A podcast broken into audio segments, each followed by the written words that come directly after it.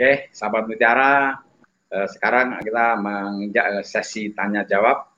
Kita lihat ad, eh, apakah ada yang sudah bertanya atau belum nih Pak. Nah, ini dari pertanyaan pertama dari apa Pak eh, Mas Rismianto Aris.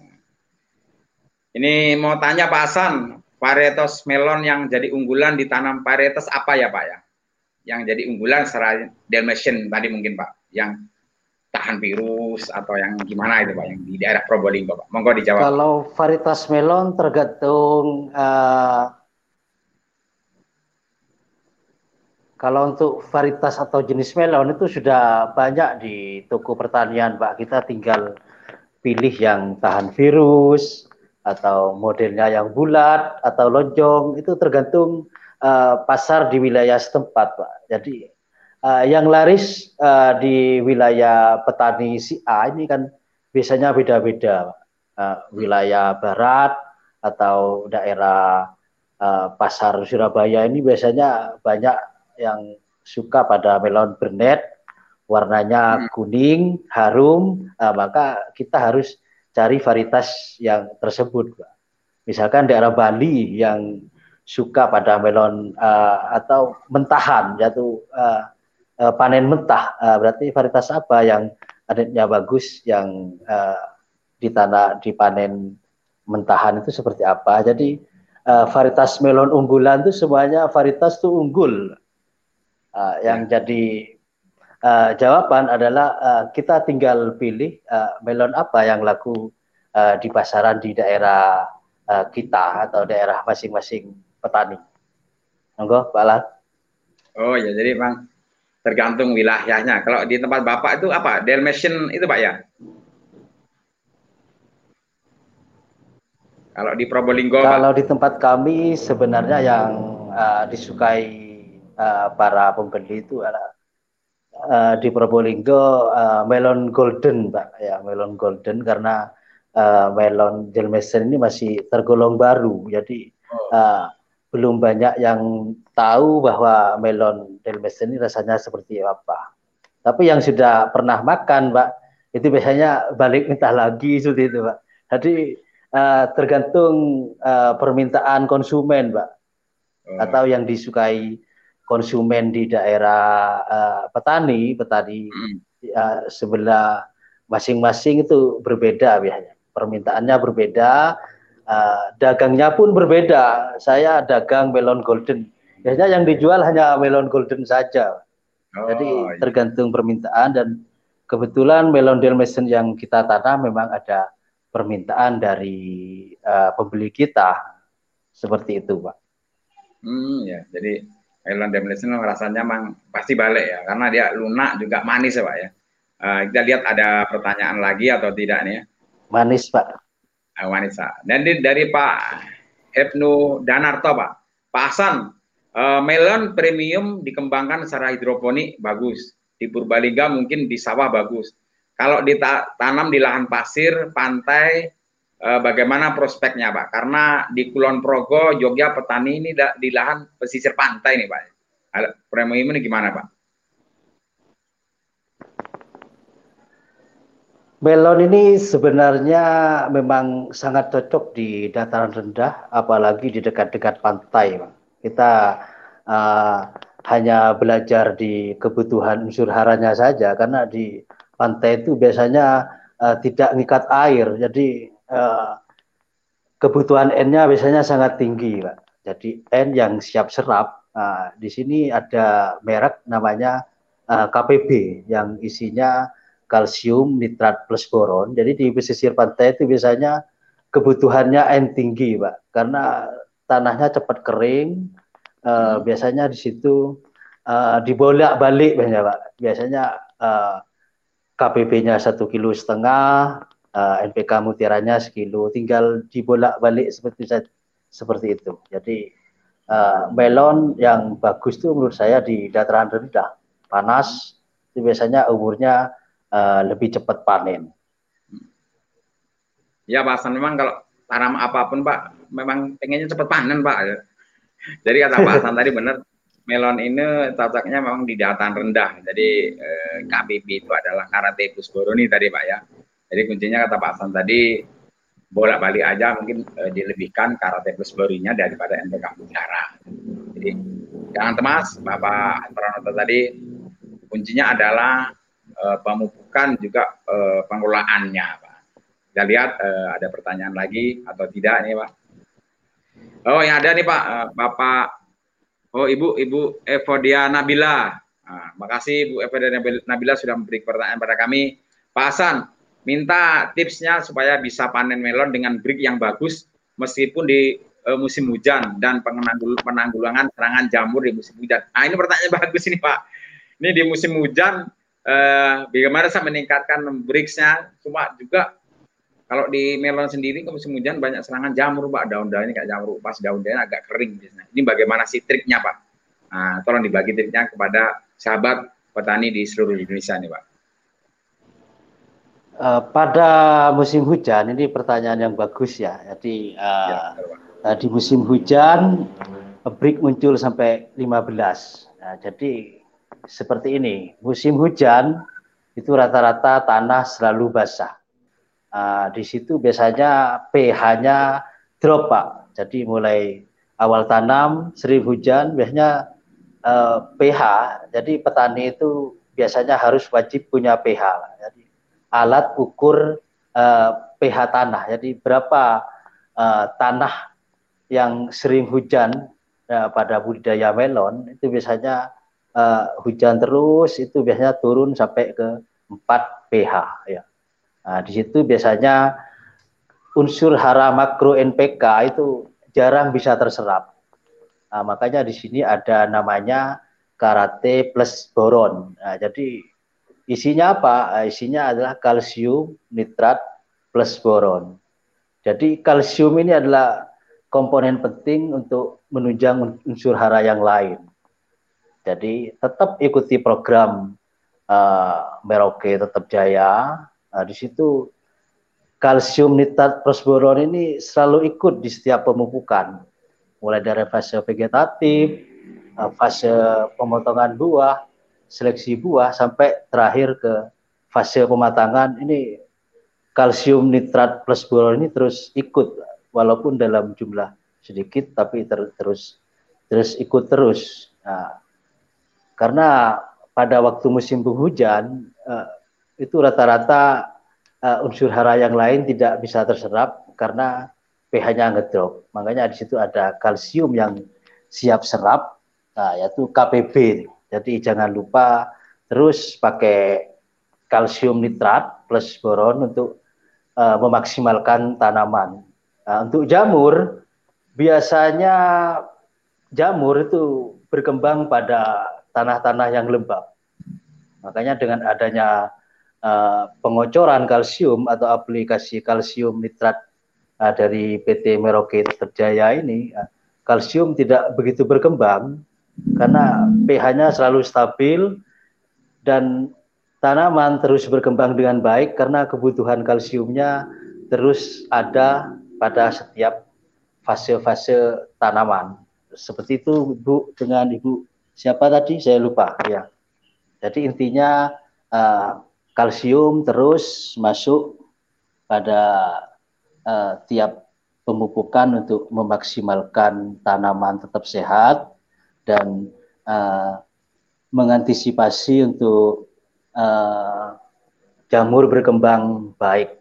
Tapi untuk pengendalian uh, penyakitnya biasanya saya pakai uh, fungisida, Pak. Di situ banyak di toko pertanian fungisida yang merek-merek sudah banyak dari PT-PT perusahaan. Ada biasanya penghujan uh, lebih banyak ke embun bulu, yaitu Phytophthora. Itu banyak uh, tinggal pilih, kita tinggal beli toko pertanian, mereknya ada S, ada banyak Pak, tidak perlu saya sebut merek. Uh, Japri saya boleh Pak, ya. Nah, jadi intinya uh, pengendalian OPT sama kebutuhan unsur hara ini harus klop Monggo Pak Alam. Ya, jadi cukup jelas tadi Bu eh, Evan dan Nabila, Mbak Nabila ya bahwasanya pertama adalah eh, pemberian kalsium sangat penting ya Pak Hasan ya. Kemudian eh, penanganan jamur penyakitnya harus dicegah sejak dini Pak ya. Memang kalsium dan penanggulangan penyakit sangat penting sekali kita supaya musim hujan tanaman kita terhindar atau meminimalisasi terangan jamur. Kemudian saya tangkap lain peningkatan break yaitu pemberian kalium bebas klor dengan uh, karate plus boroni dimasukkan terus Pak Hasan ya. Oh, ya sip. Ini ada lagi yang bertanya nih Pak Hasan uh, dari Pak uh, Eyang Raksa. Uh, mau tanya Pak Hasan, untuk hasil panen seberapa besar pasar bisa menyerap hasil panen dari kelompok tani Pak Hasan? Nah, dari Pak yang raksanya. Monggo dijawab Jadi, Pak. Panen siap. Untuk panen itu biasanya belum tentu seberapa banyak tergantung uh, petani yang mau tanam. Tapi untuk saya pribadi itu uh, tergantung permintaan melon apa yang uh, mau ditanam itu tergantung pasar. Dan kebetulan uh, saya bekerja dengan agrotani mas itu kebutuhan per minggu dua ton. Kita bisa mengirim uh, per minggu dua ton. Dengan ibu siapa tadi? Pak Yang Raksa. Pak Yang Raksa Pak Hasan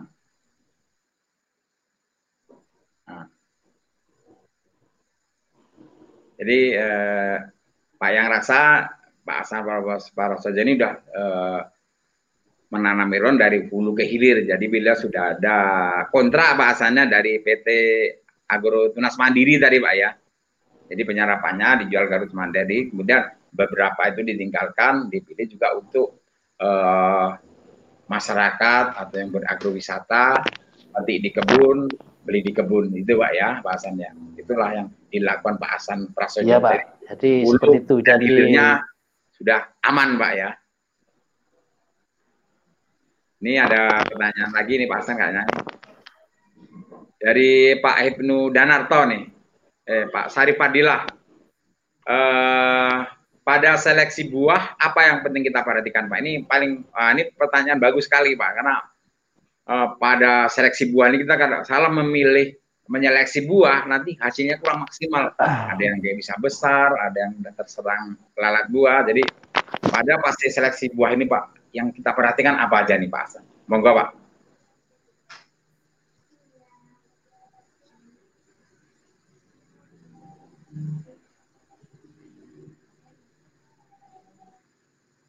Uh, sepertinya koneksi daripada Pak Hasan Prasojo ini agak terganggu. Jadi eh, Pak Hasan Prasojo ini adalah eh, salah satu eh, petani berprestasi di Jawa Timur di Kota Probolinggo. Jadi beliau kita undang di temu tani online ini untuk memberikan eh, edukasi ataupun eh, berdiskusi, memberikan informasi bagaimana sih membudidayakan melon premium atau melon uh, net juga ini akan dikembangkan ke wilayah uh, kita masing-masing ya.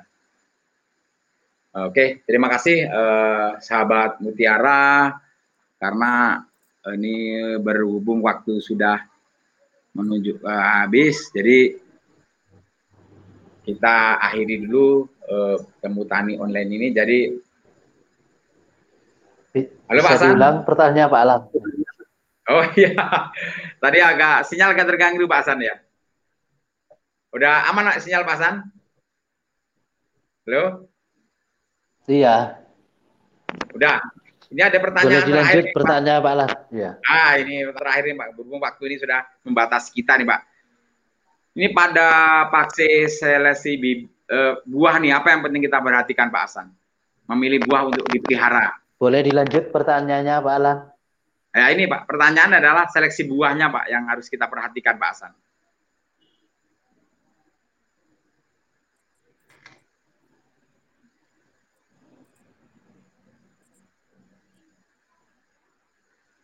Silakan dijawab Pak Hasan.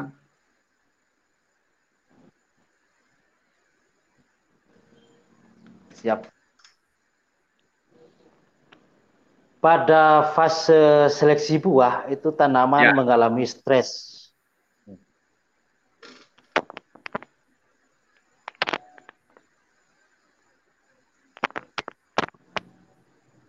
Jadi pada budidaya tanaman melon pada fase seleksi buah atau pemilihan buah uh, biasanya tanaman mengalami stres, Pak.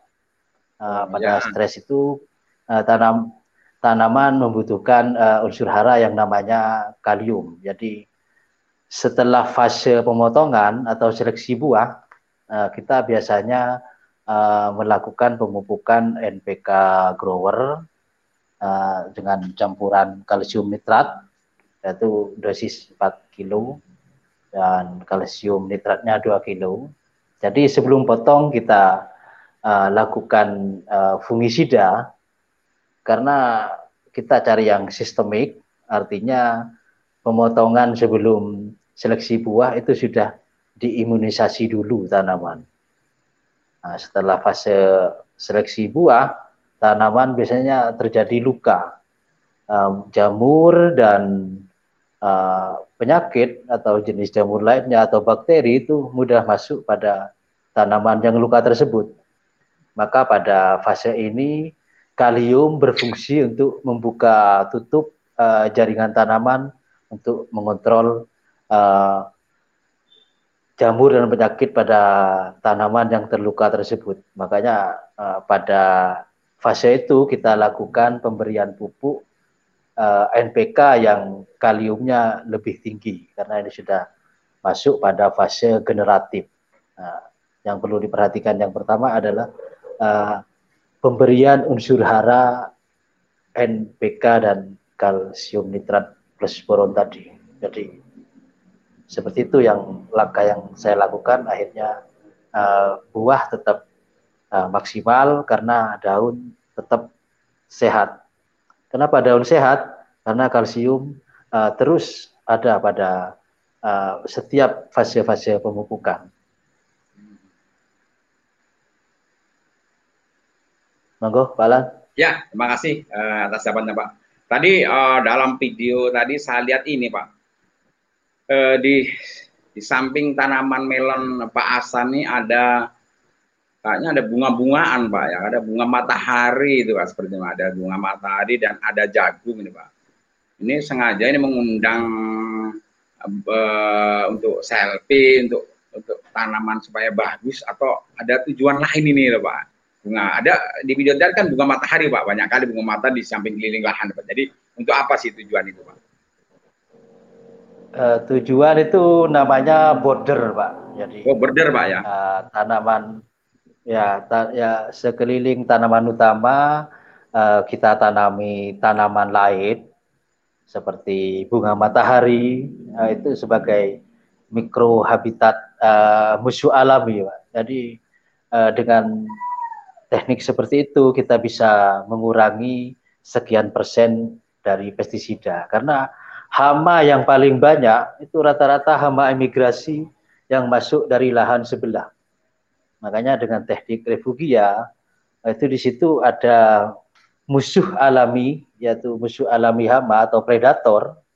Nah, jadi intinya pada border tersebut kita uh, berusaha mengurangi uh, pestisida Pak karena pestisida sekarang uh, luar biasa harganya makanya kita pakai teknik diirit uh, biaya produksi yaitu dengan tanam uh, border yaitu tanaman uh, untuk mikro habitat musuh alami atau predator seperti itu hmm. Pak. Jadi intinya atau poinnya uh, kita tanam tanaman di sebelah pinggir adalah untuk mengurangi uh, pestisida.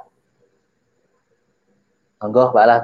Ya, oh berarti bukan untuk uh, apa wisata ataupun untuk supaya lebih bagus banyak uh, tanaman jagung dan juga bunga matahari tadi untuk border artinya ada tanaman di pinggir lahan di sekeliling lahan untuk mengurangi serangan hama yang dari luar Pak ya juga untuk menjadi hama yang di dalam bukan memilih tanaman melon tapi memilih ke jagung ataupun uh, ke bunga matahari tadi Pak ya. Jadi memang luar biasa apa yang diterapkan oleh uh, Pak Hasan Prasojonis uh, dalam bertani tanaman melon Pak ya. Jadi berhubung waktu kita udah keterbatasan waktu Pak kapan-kapan ini uh, mungkin uh, terima kasih Pak Hasan. Uh, sahabat Mutiara uh, sebelum saya akhiri temu tani online ini kesimpulan dari episode ke-45 ini tentang tanaman melon adalah yang pertama sebelum sebelum budidaya melon pemilihan tempat dan lokasi harus sesuai. Intinya adalah lahan yang pada hujan tidak tergenang, walaupun itu tidak tergenang kita harus membeli outlet atau pengeluaran airnya, kemudian dekat dengan sumber air bila kemarau ada uh, untuk penyiraman air. Juga pengertian kedua adalah pH tanah. Yang ketiga adalah yang paling kata kunci bahasan pengenangan hama dan penyakit. Jadi penggunaan uh, insektisida, fungisida digunakan secara tepat. Apa yang ada hama atau penyakit yang menyerang tanaman itu yang kita gunakan. Dan untuk uh, menghindari atau mengurangi serangan hama penyakit tadi, kita perlu memerlukan border yaitu sisi lahan kita tanami tanaman bunga matahari, jagung atau tanaman lain supaya mengurangi serangan hama atau dari luar ataupun hama yang dari dalam e, melon tadi larinya ke tanaman e, selah tadi yang border tadi. Yang ketiga adalah e, kesimpulan yang ketiga ini masalah nutrisi. Nah, pemberian unsur hara, makro dan mikro di dalam tanaman sesuai dengan fase, fase vegetatif atau generatif K. Dan tanaman melon seperti Pak Hasan Prasajo bilang tadi bahwasanya eh, pada saat 50 hari kita perlu memberikan pupuk eh, kalium bebas klor SOP ya, yang Bapak Hasan Prasajo berikan. Itu adalah kesimpulan daripada episode yang ke-45 tentang tanaman melon.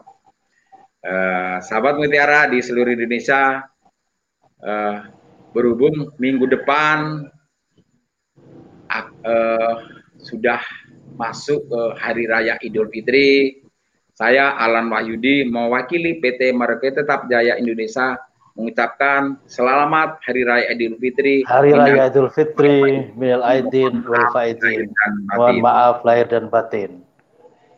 Sahabat Mutiara di seluruh Indonesia, jika temu tani online episode ini dirasa bermanfaat, bagikan video ini sebanyak-banyaknya di media sosial Anda supaya ini menjadi motivasi kami ke depannya untuk memproduksi video edukasi-edukasi lainnya. Ikuti terus kami di media sosial. Ayo follow mereka tetap jaya di Instagram, like di Facebook kami mereka tetap jaya. Anda yang suka nonton YouTube, ada hobi eh, nonton YouTube, jangan lupa like video ini, subscribe channel NPK Mutiara TV dan pentung tanda loncengnya agar sahabat Mutiara di Indonesia tidak ketinggalan video-video kami lainnya. Hmm. Stay healthy, jaga jarak. Mungkin itu yang uh, kita sampaikan di episode Temu Tani Online ke-45 ini. Saya ucapkan uh, kembali terima kasih kembali Pak Hasan Prasojo telah meluangkan waktunya bagi kami untuk membagikan ilmu, berdiskusi bagaimana sih meningkatkan uh, kualitas dan kuantitas tanaman melon kita. Makasih Pak Hasan Prasojo ya, semoga selalu sehat dan memberikan uh, manfaat kelompok tani Bapak ini memberikan manfaat bagi masyarakat sekitarnya. Sampai amin, jumpa amin, amin. terus edisi temu tani online lainnya berikutnya. Terima kasih sahabat Mutiara di Indonesia. Wassalamualaikum warahmatullahi wabarakatuh. Salam mutiara. Waalaikumsalam warahmatullahi wabarakatuh.